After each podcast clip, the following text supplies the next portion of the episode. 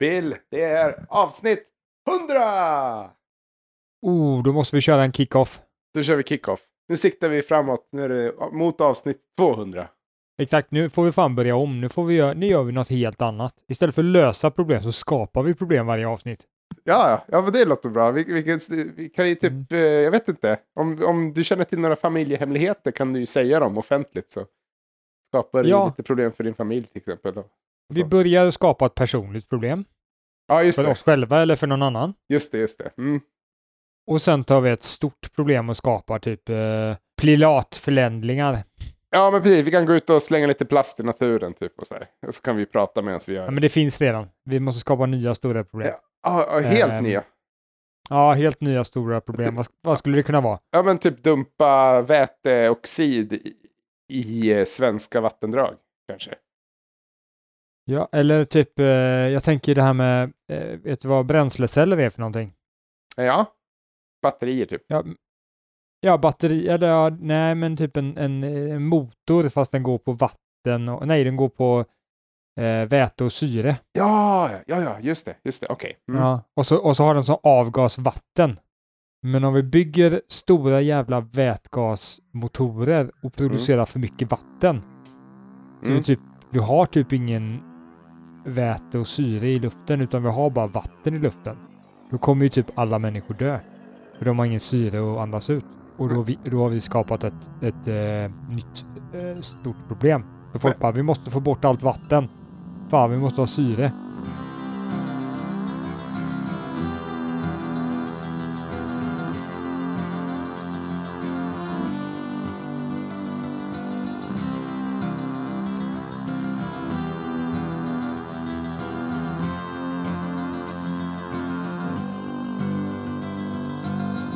Men det är inte det vi ska prata om. Vi ska prata om hur vi ska fira vårt hundrade avsnitt. Och jag föreslår att vi kör champagne-race. Champagne-race, okej, okej. Ja, ja, men jag, jag råkar faktiskt sitta med ett glas champagne här. Alltså det är ju trots allt eh, tisdag den 2 januari och då sitter man ju alltid med ett glas champagne. Ja, exakt. Jag har också champagne som, det var ingen som ville fira nyår med mig så att jag drack inte upp min champagne. Jag gick ut på stan och letade efter folk som ville umgås med mig och bara Ja, champagne, vi kan dela på dem. Bara, Nej, fan inte. Du håller ju på med den här töntiga podden, jag vill inte hänga med dig. Man är inte alkoholist bara för att man dricker på vardagarna. Det vill jag bara... För det, har- det kan jag tycka att folk... Ibland tittar de på mig som att det är det de säger. Och vet du vad? Det är inte sant. Ja, det beror på hur man tänker. Exakt, det beror på hur man tänker. Och jag tänker att man inte är... Man var en glad, skön person, eller hur? Ja, alltså jag är störtskön. Jag är jätteskön. Alltså jag är en sån här skön kille. Jag är en sån här rolig kille, vet du. Nej, men jag är, jag är seriös, Tobias. Jag är skön. Jag är riktigt skön snubbe. Okej, okej. Du är skön. Så om ni känner för att umgås med mig så kan ni gärna ringa lite spontant. Gärna en eh, vardag om ni vill gå ut och supa och känga, hänga lite. Ni kan ringa till mig på plus 46 72 93 85 47 39. Ja, nej men så vi har ju champagnen. Vi har ju champagnen till hands. Och, och, och, Ja. då, och då tänker jag så här, vad ska, okej, vad, det har ju precis varit nyårsafton. Vad, hur ska vi liksom, hur ska vi blicka framåt nu då med Problempodden? Hur, liksom, har vi några löften som vi vill liksom avlägga för Problempodden?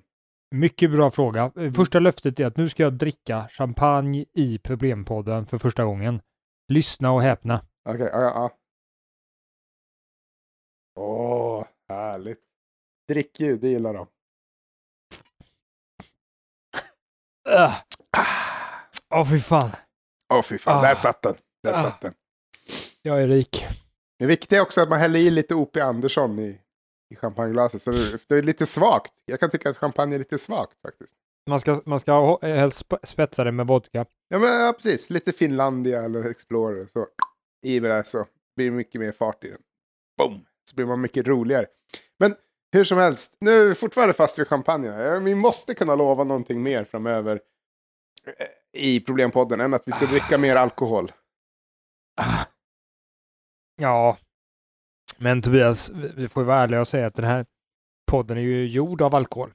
Jo, jo, jo. Jo, men det vet, jo, men det vet jag. Vi är ju alltid fulla när vi spelar in. Och där, knä- och där knäckte vi nästa kod, eller nästa marknadskampanj vi ska köra.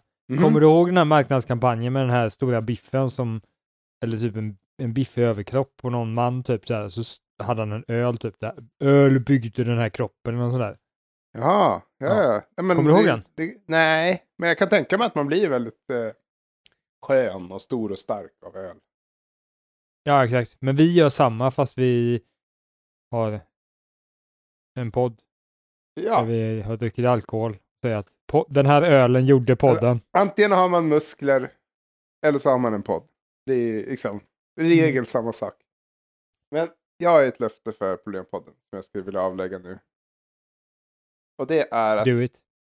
vi, vi får aldrig mer tipsa. Vi får aldrig lösa ett problem med meditation igen. För nu har vi gjort det i 40 avsnitt. Vi måste hitta något nytt. T- Jag gillar inte det där Tobias, för det är ju faktiskt lösningen på dagens problem. Dagens stora problem. Det har jag redan kommit på. Okej, en sista gång får vi lösa det med meditation. Men sen, sen får det vara Ja. bra. Okej, sen lägger vi ner med den här jäkla meditation. Men fan, det funkar ju inte. Det, ju- det vet ju alla. Det är helt hjärndött. Alltså jag vet att meditation löser mycket, men det är ingen som vill hålla på med den här skiten. Det är bara du och jag. Det är bara vi som vill hålla på med den här skiten. Det är vi och några flumhuvuden. Liksom, vi kan inte tipsa om det mer.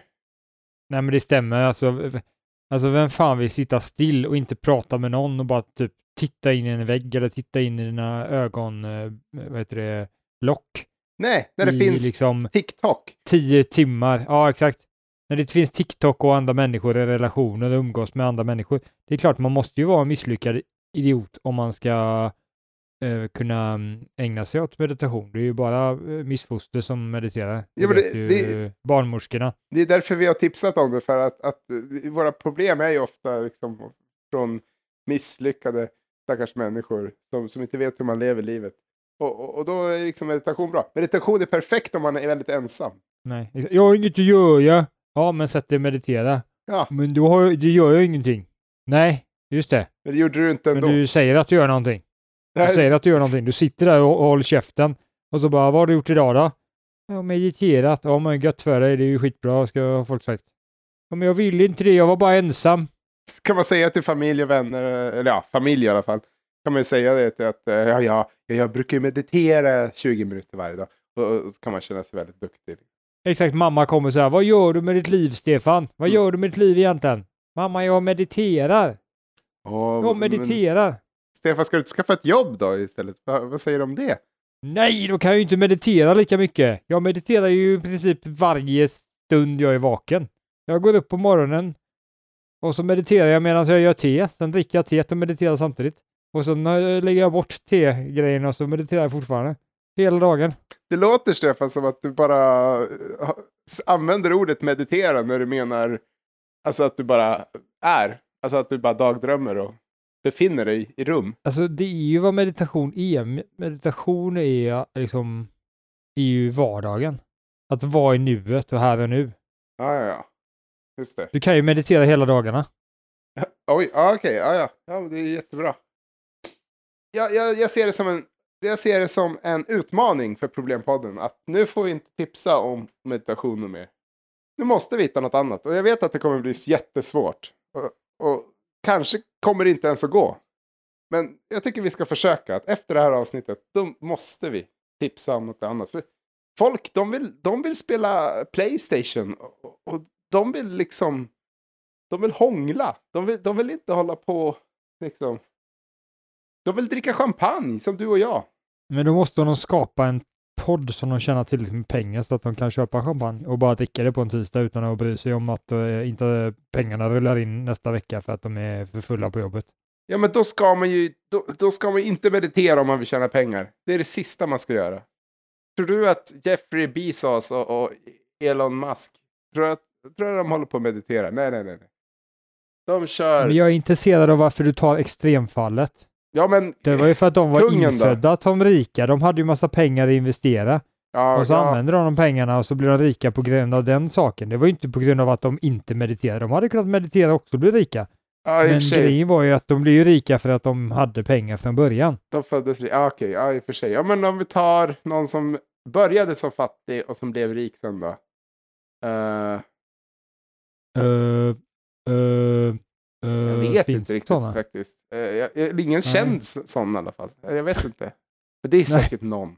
Alltså, ja men typ en, en, en, eh, en kriminell har säkert börjat som fatt, alltså du vet en maffiaboss kanske. Ja, ma- exakt, just det. Ja, exakt. De kan ju nog ha Om det inte är, eh, alltså att det inte är släkt. Alltså många, det är mycket det här att pappa är maffiaboss och så blir man själv maffiaboss. Men alltså en helt ny maffia. Någon måste ju Mm, starta ja. en maffia. Liksom. Ja, ja, exakt. Ja, bull, ja, eh, ja, ja, ja, kära lyssnare, ni hör ju, det, vi pratar om maffian och då är det såklart Problempodden ni lyssnar på. Ja, jag, jag själv heter jag Tobias och jag har aldrig varit med i maffian, det kan jag lova er. Det har jag faktiskt aldrig varit, utan jag har alltid varit en laglydig medborgare. Och mitt emot mig här har jag, Eh, Bill som har varit faktiskt med i eh, maffialandslaget. alltså någon Jag har slags, varit med i landslaget i maffia. när man tävlar i ma- maffia eller? Ja, ma- exakt. Man behöver inte vara maffia för att vara med i maffialandslaget utan man behöver bara vara duktig på att kunna spela maffia. Ah, okej, så man typ, eh, man, man pratar så här eh, och, och, och man typ eh, har på sig så italienska kostymer, eller? Jag vet inte. Exakt, exakt. Ja, exakt. Man kan eh, prata Hej, du pratar väldigt bra. Och så får man vara bra på att hota människor också. Så här, säga, mig en tjänst, jag gör dig en tjänst. Okej. Typ så. Du kanske vill ha kvar din katt. Din kattsvans. Eh, katten skulle inte tycka det var kul och kanske inte ha en svans. Bosse med sågen sover med katterna i natt. Just det, ja jag fattar. Okej, ja. Har du vunnit någon gång då? Nej, ja, men, ja, någon gång, för att jag har kommit med i landslaget så måste jag ha vunnit någon gång. Men det är ju faktiskt inte så att man, man är ett helt team då med maffiapersoner. Och Ja. Olika personer får spela olika sorters ma- maffiakaraktärer. Alla kan inte vara Ah. gudfadern som du spelade, man får ju vara de andra också liksom så här. Vad finns det mer för maffiakaraktärer? Vissa kan ju kanske spela den här loose cannon, den här som är lite för våldsam och lite för, eh, men du vet, lite för impulsiv för maffian liksom.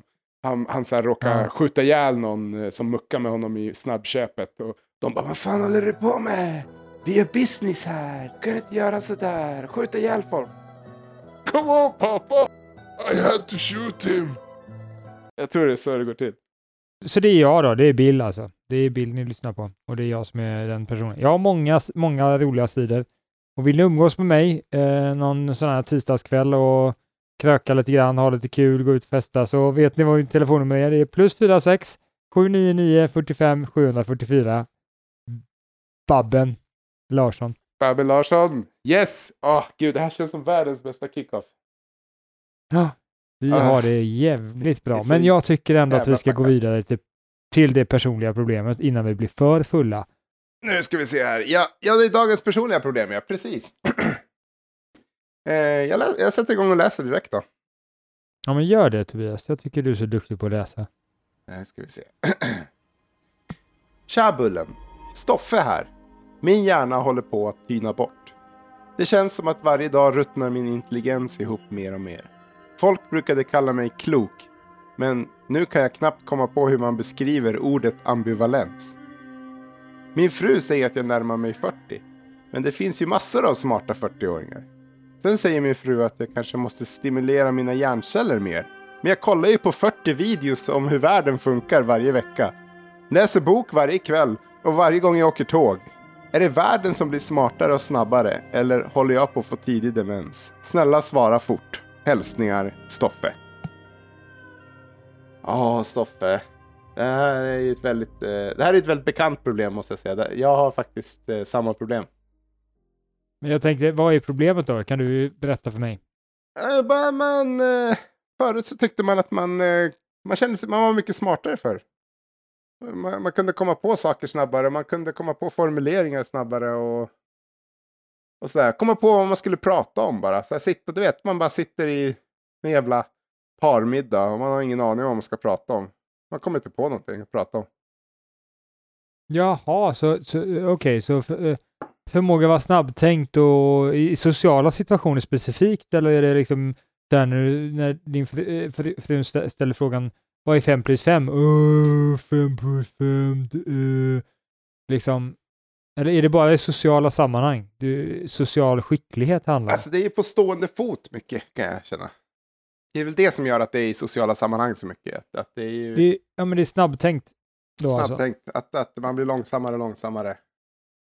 Och eh, man, man, man tycker inte heller att, att ens idéer är så smarta som man brukade tycka att de var. Vad är det för idéer? Ja men typ att alla, man, man, typ att man ska sälja, ja men så här, man ska sälja eh, hundhalsband till alla rävar. Typ sådär. Sådana här smarta idéer liksom, som jag kom på i 20-årsåldern. Och som, som, som jag liksom inte kommer på längre. Eller, Nu vet jag ju, det här är inte du, men hade det varit du så hade det varit dumt, för, för vi kommer ju på enormt spektakulära och fantastiska lösningar här varannan vecka. Så att det stämmer ju inte. jag tycker det är samma där Bill. Eh, alltså du, jag tycker du, du är ju fortfarande briljant alltså. Men, men alltså jag, jag kan känna att det ibland att det är svårt att hänga med. Liksom. Och förut, jag tyckte när Problempodden började, alltså när vi var på mellan avsnitt 1 och 20.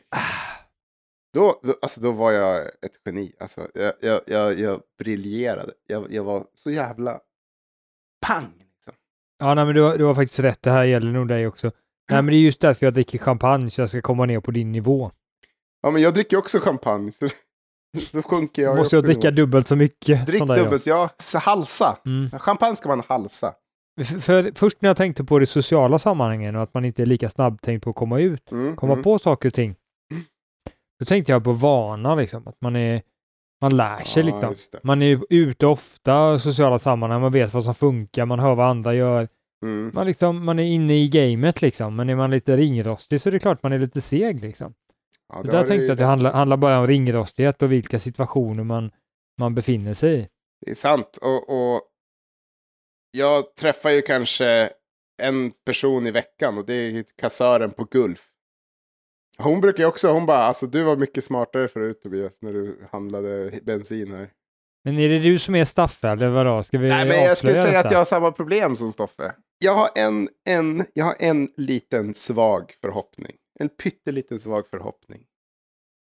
Och det är att det handlar om Dunning-Kruger-effekten. Att jag trodde att jag var smart förut. Och nu har jag börjat inse att jag är väldigt eh, medelmåttlig. Och, eh, och att världen är mycket mer komplicerad än vad jag trodde att den var. Och, och det frustrerar mig. Så du hade ju lösningen redan ja, här. Ja, det kanske inte är så. Jag kanske bara håller på att bli dum. Eller alltså, jag kanske bara är dum. Ja. Ja, men det metaproblemet till det här problemet är ju hur vet man?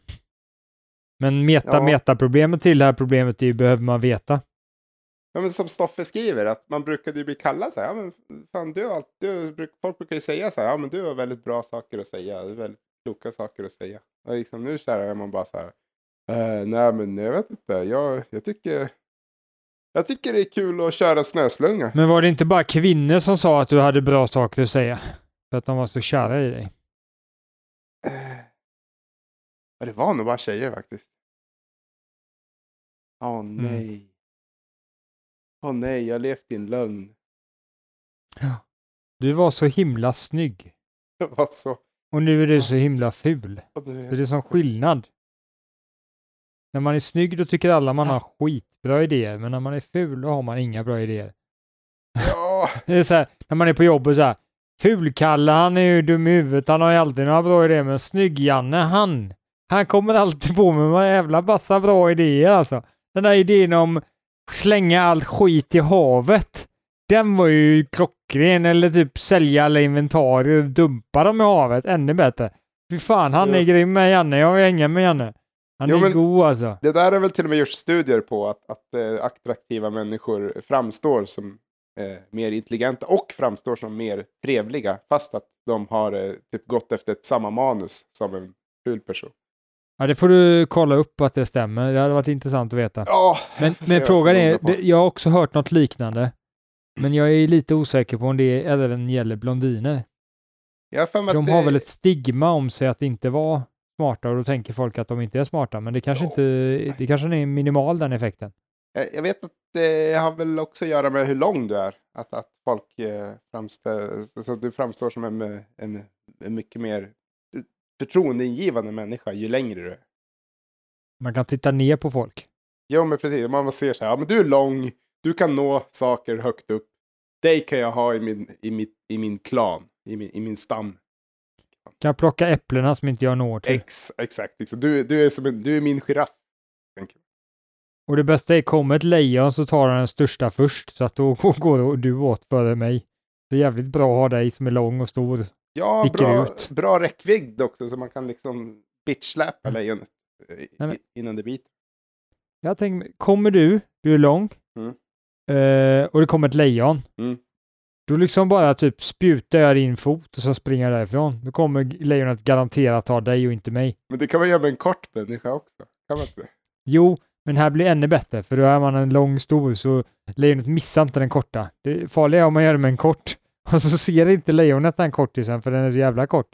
Så jag bara, fan, eller, eller så vill den inte ens ha det. Jag är Nej, så jävla det. hungrig, jag vill inte ha en liten skit, jag vill ha en stor jävel här nu, Ja, säger det. lejonet. Då är det, så då har man, man har täckt mer liksom eh, möjligheter genom att ta en stor lång kille Genialt. eller tjej. Så stor som möjligt ska man slänga till vargarna i alla fall.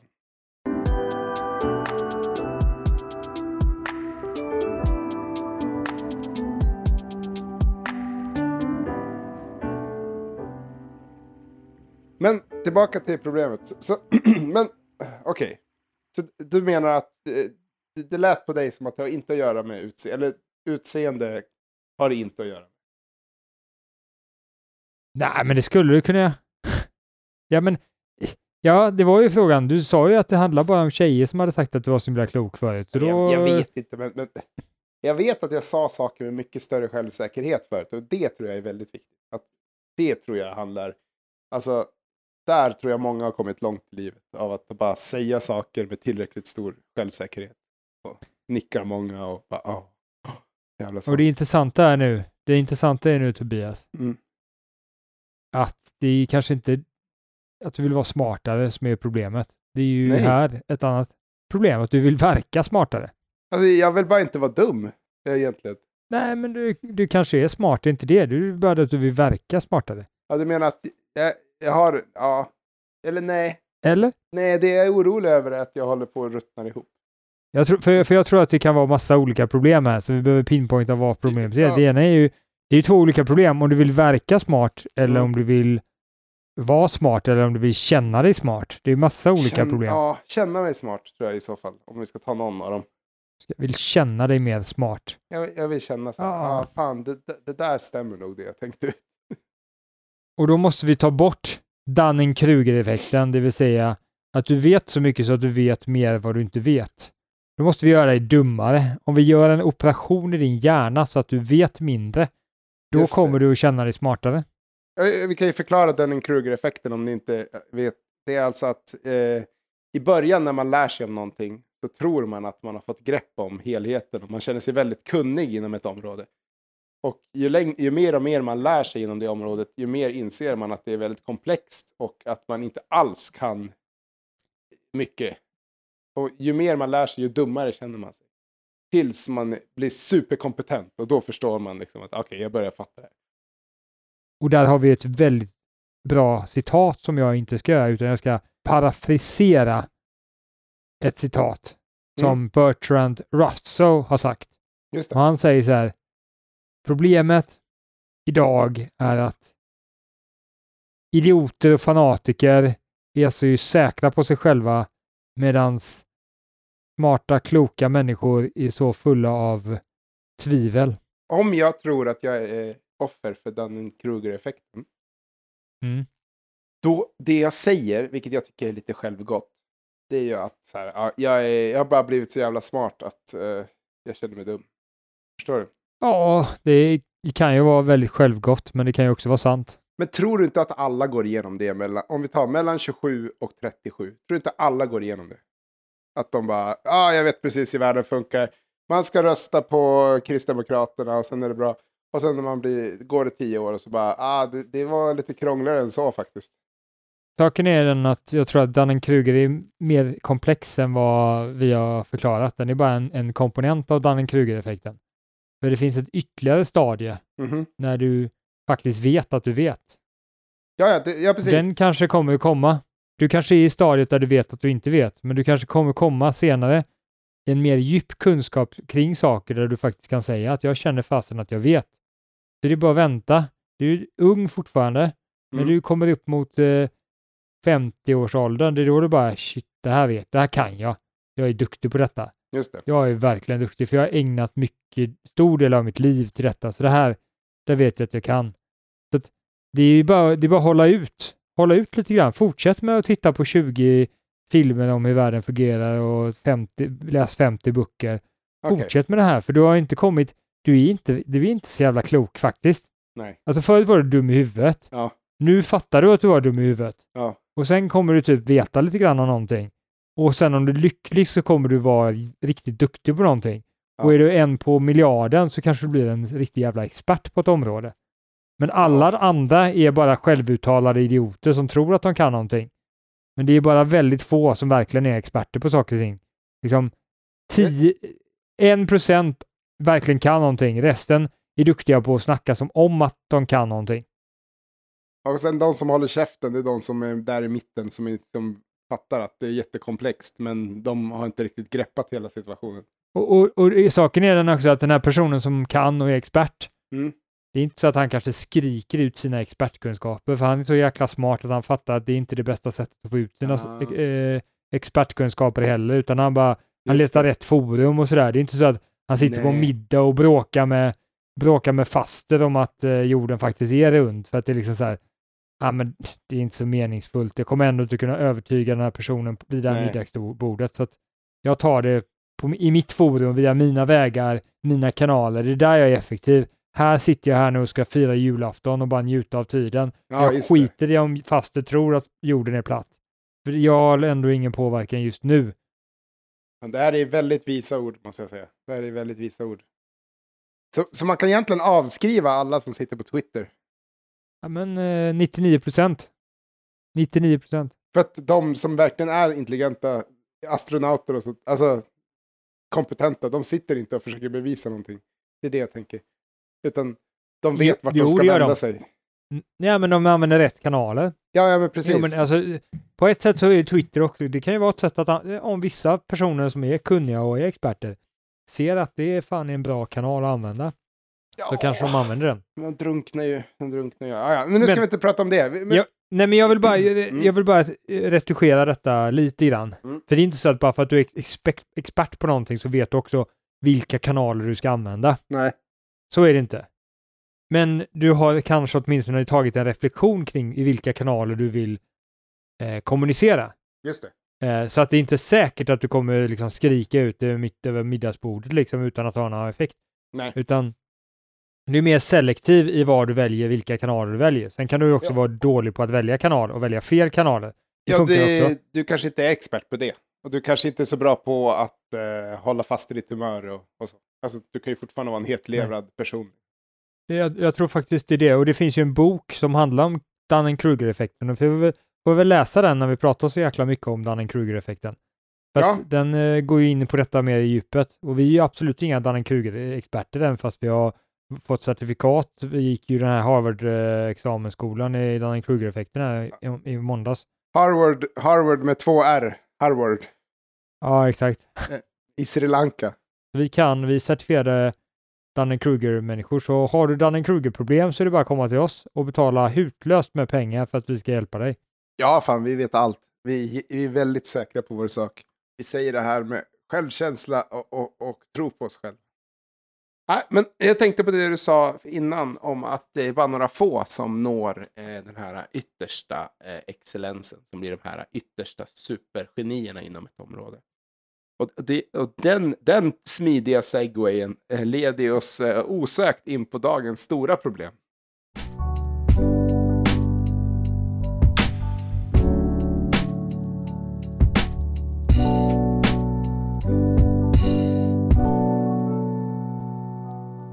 Det stora problemet då, och det är ju ett intressant problem, och det är individualism. Mm. Och innan vi börjar lösa individualism så vill jag hejda oss Mm. och så vill jag att vi tänker lite på vad är individualism? Just det. Får, jag- får jag använda min hjärna och eh, inte kolla Wikipedia och, och, och bara säga vad jag tror individualism är? Helst inte, men jag måste eh, låta dig få säga någonting i den här podden, så varsågod. Tack så mycket. Tack så mycket. Ett individualistiskt perspektiv, det är väl att, att, eh, att alla individens prestationer är det största av allt. Och alla är inte bara kapabla, utan berättigade till ett storslaget öde som att bli rik och känd, eller i alla fall lyckad, lyckad på något sätt. Och det är tron på individens styrka, att, att liksom gräva sig upp från leran och, och, och ja, och, och grupperingar och, och samarbete är för vanliga människor som inte klarar av något annat än att vara mediokra. Det är precis det du säger. Men det handlar mycket om tron på att det är individen själv och dess förmåga att välja rätt val Mm. som avgör i vilken utsträckning den här människan eh, når framgång eller inte. Man Okej, tror okej. väldigt lite på att det är de externa omständigheterna som påverkar den här män- människans öde. Så det här har med fri vilja. Mm. Så det fria valet är centralt i individualismen. Det låter lite som när folk pratar om att eh, ja, men det är bara att och, och, liksom kämpa och, och köra på och så kommer det ordna sig. Är det lite den inställningen? Kanske lite mer? Lite Ja, exakt. Och individualismen kan väl säkert finnas i olika grader. Att man tror att, liksom, hur mycket tror jag att genetik spelar in? Hur mycket tror jag att miljö spelar in? Mm, Det brukar finnas en debatt mellan mi- miljö, biologi, mm. eh, Nature versus nurture eller vad de brukar säga. hur du blir uppfödd, vilken miljö du växer upp i, Mm. via din genetik. Svaret är ju att det är någonstans mi- mittemellan. Det är ju Mm. inte antingen en eller den andra. Nej. Men en extrem individualist, den, den tror på något ytterligare faktor som också påverkar hur du, hur det går för dig. Och det är ditt egna val och ditt individ. Det är väldigt kopplat till kristendom. Individualismen kom i samband med kristendomen ofta. Ja. För Då var det liksom inte, det var inte, det var inte öppen. det spelar ingen roll var du fanns någonstans. Du kunde nå frälsning oavsett var du var någonstans. Även fast du kom ifrån Afrika och tillhörde en stam där liksom. så kunde du bli frälst av, av Gud. Väldigt mycket i modern kristendom, där, framförallt protestantisk kristendom, där, där vi alla var liksom unika i Guds kärlek. Vi, vi, alla människor var liksom en, en, ett eget ljus i, i Guds ögon. Istället för det här att, att vi är ingenting mot Gud, utan Gud bestämmer allting och vi ska bara liksom försöka ta oss till himlen. Istället var det så här, äh, ja men Gud älskar alla lika mycket och alla har lika mycket värde liksom. Hela den, ja, Så länge de ber till mig. Ja, såklart. såklart. Då menar de att det finns en tredje faktor, men någonting måste ju bestämma vad, om man blir en latmask eller om man blir en arbetsmyra. Om det inte är genetik och inte valet att, att, eh, att, eh, bli en arbetsmyra måste ju komma ja, från någonting. Ja, men eh, ja, det är ju väldigt kopplat till religion och tron på någonting som man inte kan förstå. Det gudomliga på något sätt. Det, alltså, fritt val är ju lika religiöst som att tro på en gud nästan. Ja. Ja, att det just finns ett fritt val, att det. världen inte är deterministisk. Att inte saker bara sker för att det här har skett innan. Ja. Den tron är ju väldigt religiös. Mm. Så det, det, det är någonting, alltså tron på... Ja, det är så tron på själen på något sätt. Att, att det finns någonting, en kärna i en och alla de här kärnorna är lite olika. Jag tycker också det är väldigt svårt att förstå, förstå sig på det här sättet att tänka. Att det finns någonting annat. Den är, den är ju så... Det är ju som att tro på något väldigt eh, övernaturligt liksom. Det är svårare att tro på det än att tro på Gud om du verkligen tänker efter. Det är svårare att tro på det här än att tro på spöken om du verkligen tänker efter. Spöken är väldigt faktiskt, men det här kan du inte ens tänka dig. Vad är det här för någonting? Och för att ta, inte tala om att det spelar ingen roll för alla människor föds med olika förutsättningar. Alltså, då menar inte jag genetik, utan då menar jag att man föds, om vi säger Bill Gates, han föds med, med en rik, rika föräldrar och kan ha ett dataföretag i deras garage. Medan jag föddes inte med rika föräldrar och kunde inte, jag hade det mycket svårare att få ett dataföretag i mitt garage. Det gick åt helvete för mitt dataföretag. Individualisten, den riktiga individualistens värld, då spelar inte det någon roll. För du kunde ta dina val så att du hade kunnat hamna på samma plats som Bill Gates. Mm. Ja. Jag skulle bara kämpat. Jag skulle bara kämpat ännu hårdare. Man ska inte göra en nitbild av argumentet av en individualist. För nu tar vi nitbilden och det är den extremen Nidbild. Som bara, bara, bara tror att det har med ens egna val att göra, utan vi kan göra nitbilden av den andra personen. Som Ja, inte tror att det finns någonting överhuvudtaget som har med fritt val att göra. Man kan ju vara en ganska resonlig individualist och tänka att ja, genetik har sin roll, miljö har sin roll, men det finns även någonting unikt som har med fri vilja att göra. Mm. Det är skitsamma vilken bild man har. Vi ska lösa problemet med individualism. Och då handlar det om vad är problemet med att folk tror att det finns en fri vilja? Ja. Och det har vi lite varit inne på för att en, den extremen av en individualist, Mm. den tror ju inte att det finns någon påverkan alls Nej. av biologi eller ehm, miljö. Mm. Och då tänker man bara alldeles för mycket. Fan, det är bara dra dig upp i eh, hängslena och, och skärp till dig så kommer det gå bra för dig. Ja. Man tror inte att det finns några faktorer som gör att det är svårare för en människa att lyckas med någonting än att det är av någon annan. Man fattar inte att det finns olika omständigheter, olika strukturer i samhället som gör att Mm. det blir svårare för kanske en svart person i USA att lyckas vs en, en vit person. Just det. Och jag, jag säger inte att racial eh, theory, vad heter det? vad heter det? Vad heter Det som de har i skolorna nu. Det det? är Alltså man inte får ha enligt eh, republikanerna. racial theory, jag tror inte det är det heter. Jag har ingen åsikt om racial theory. Jag vet inte om det är bra eller dåligt eller ingen aning. Jag har aldrig blivit utlärd racial theory. Jag, jag Jag vet inte ens vad det betyder. allt, allt med måtta. Det, det, är min, det är min åsikt. Det är min enda åsikt. Ja. Allt med måtta. Jag är ju svensk, jag vill ha lagom. Lagom mycket av allt. Det är min åsikt. Eh, men eh, okej, så att problemet är då om man bygger ett samhälle, är väl antar jag, eller? Det är problemet att om man bygger ett samhälle på den här tron så, så hamnar väldigt många människor, alltså väldigt många människor får inte chansen får inte chansen att, att visa sin potential för att alla säger bara nej men det har ingenting med dina förutsättningar att göra. Du ska bara, du behöver bara jobba hårdare. Ja, det, men där är du inne på ett lite annat, eh, lite annat problem. De är säkert kopplade. Jag pratade om individens problem. Det är att den blir alldeles för oödmjuk och tänker det är bara att skärpa till det så kommer det gå bra för dig också. Skitsamma att du liksom blev uppfödd på gatan och hej och hå. Det är, det är en sak. Men den andra personen är, Ett problem för en individ är ju att om du tror att eh, alla är berättigade till att bli självförverkligad, att om, om du då jobbar som eh, kassör så har ju du blivit intalad att tro att du är misslyckad för att du inte har ett stort och viktigt, en stor och viktig uppgift i livet. Men vi behöver ju kassörer. jag tror att du är inne på att ja, men det är det att alla ska göra någonting fantastiskt. Alla tror att de ska gö- göra någonting jätteenormt och det går inte att alla gör det för alla, då kommer liksom bara en procent, och mindre än en procent, en promille göra någonting fantastiskt här i världen. Och resten kommer bara tänka att de är misslyckade. Vi får ju se så många superlyckade människor på internet nu. Och Det blir nästan som att det cementerar det ännu mer. Att, att eh, det här är väldigt vanligt, att folk är fantastiska. Och, och är man Ja. då vanlig så, så är det en väldigt olycklig eh, tillvaro.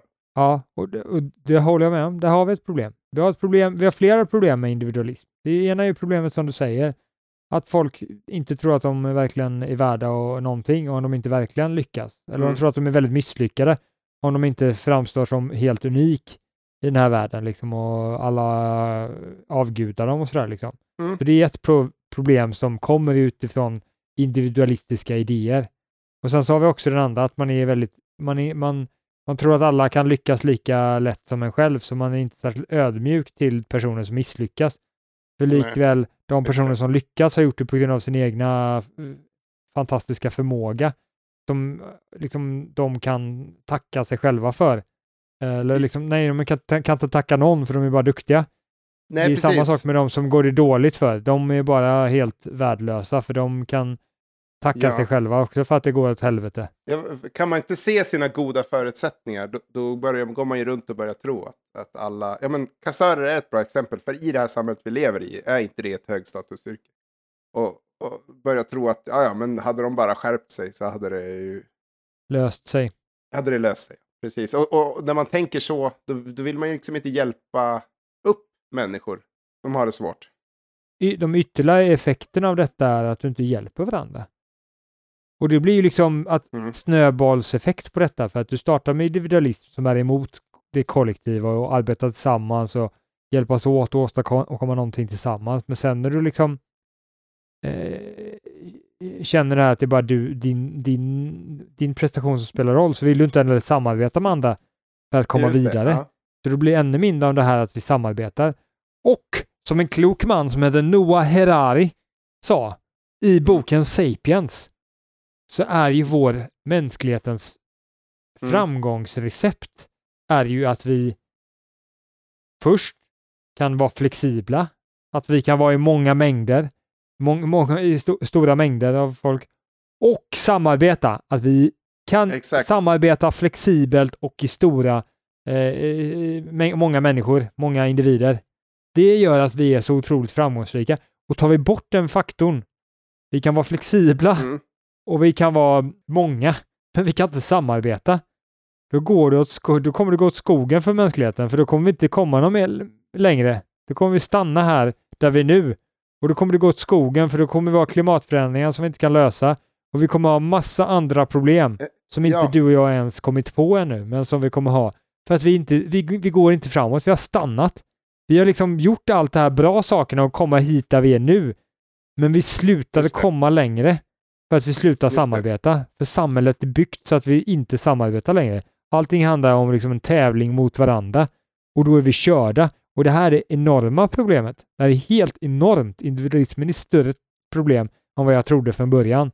Det här är problemet. Astronauten Ron Garan sa att när han var uppe i ISS så insåg han att mänskligheten måste börja se sig själv som planetär. Det här är något som händer tydligen när astronauter kommer upp i rymden och det kallas för the overview effekt. Alltså att man kommer upp och får översikt och plötsligt så ser man hela sammanhanget. Ja. Ha- Han menar på att mycket av det negativa som händer i världen idag är för att vi människor ofta bara ser en liten skev representation av helheten. Typ som Platos grotta med skuggan och ja, Mm.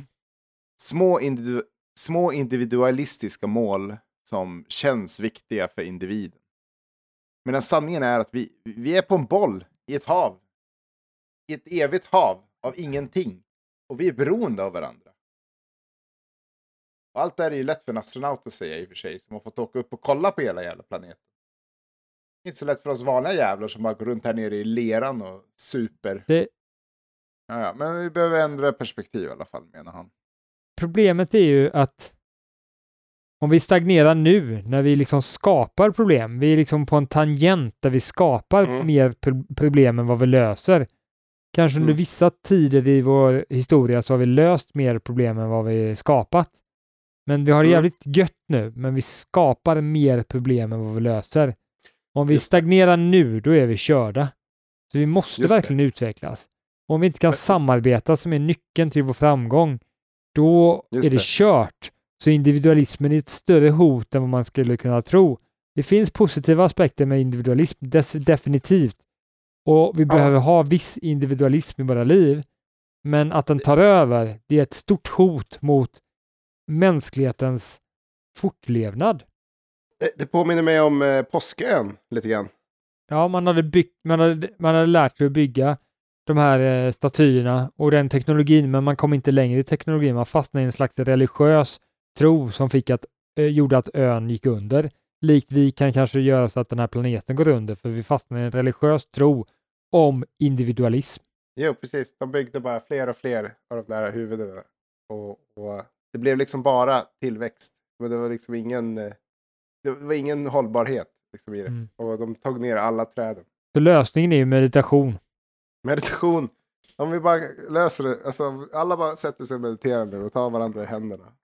För alla har ju läst böckerna om eh, Buddha och allting sånt där. Att när man kommer till det tionde stadiet och verkligen liksom har mediterat tillräckligt mycket, då, kom, då Mm. blir man ett med, allt, ett med allt och då kan man inte vara ego längre. Eller individualistisk. Lösning nummer ett. Jättebra, viktigt. Det ska, och jätterolig, eh, jätterolig eh, aktivitet. Det är eh, meditation som sagt. Eh, men, men skulle man inte också kunna typ eh, medvetandegöra att, att, eh, att det är, eh, det är ganska, alltså att man är viktig även om man är vanlig. Alltså samhället behöver vanliga, vanliga människor. Jo, information och så, men ja, och det är ju jättesvårt. Vi vet ju att Problempodden-partiet skulle ju göra världen till en bättre plats. Men Mm. hur får vi folk Garanterat. att förstå det? Även om vi har en podd där vi förklarar varför vi är det bästa partiet för vi löser alla problem, så fattar inte folk det. Så det är ju alltid Nej. ett problem. Liksom. Men hade vi inte massa sånt där hippieflum i skolan på 80-talet när vi var små?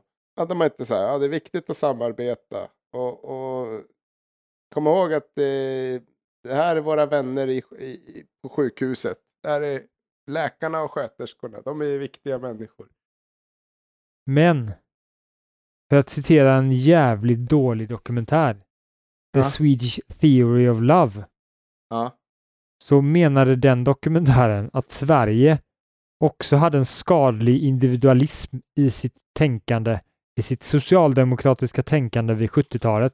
Där Olof Jaha. Palme var delaktig i idén att alla människor skulle inte vara beroende av någon annan ekonomiskt och därför skulle det skapas ett välfärdssamhälle. Vilket gjorde att ingen människa är beroende på någon annan och alla får, kan leva sina egna liv.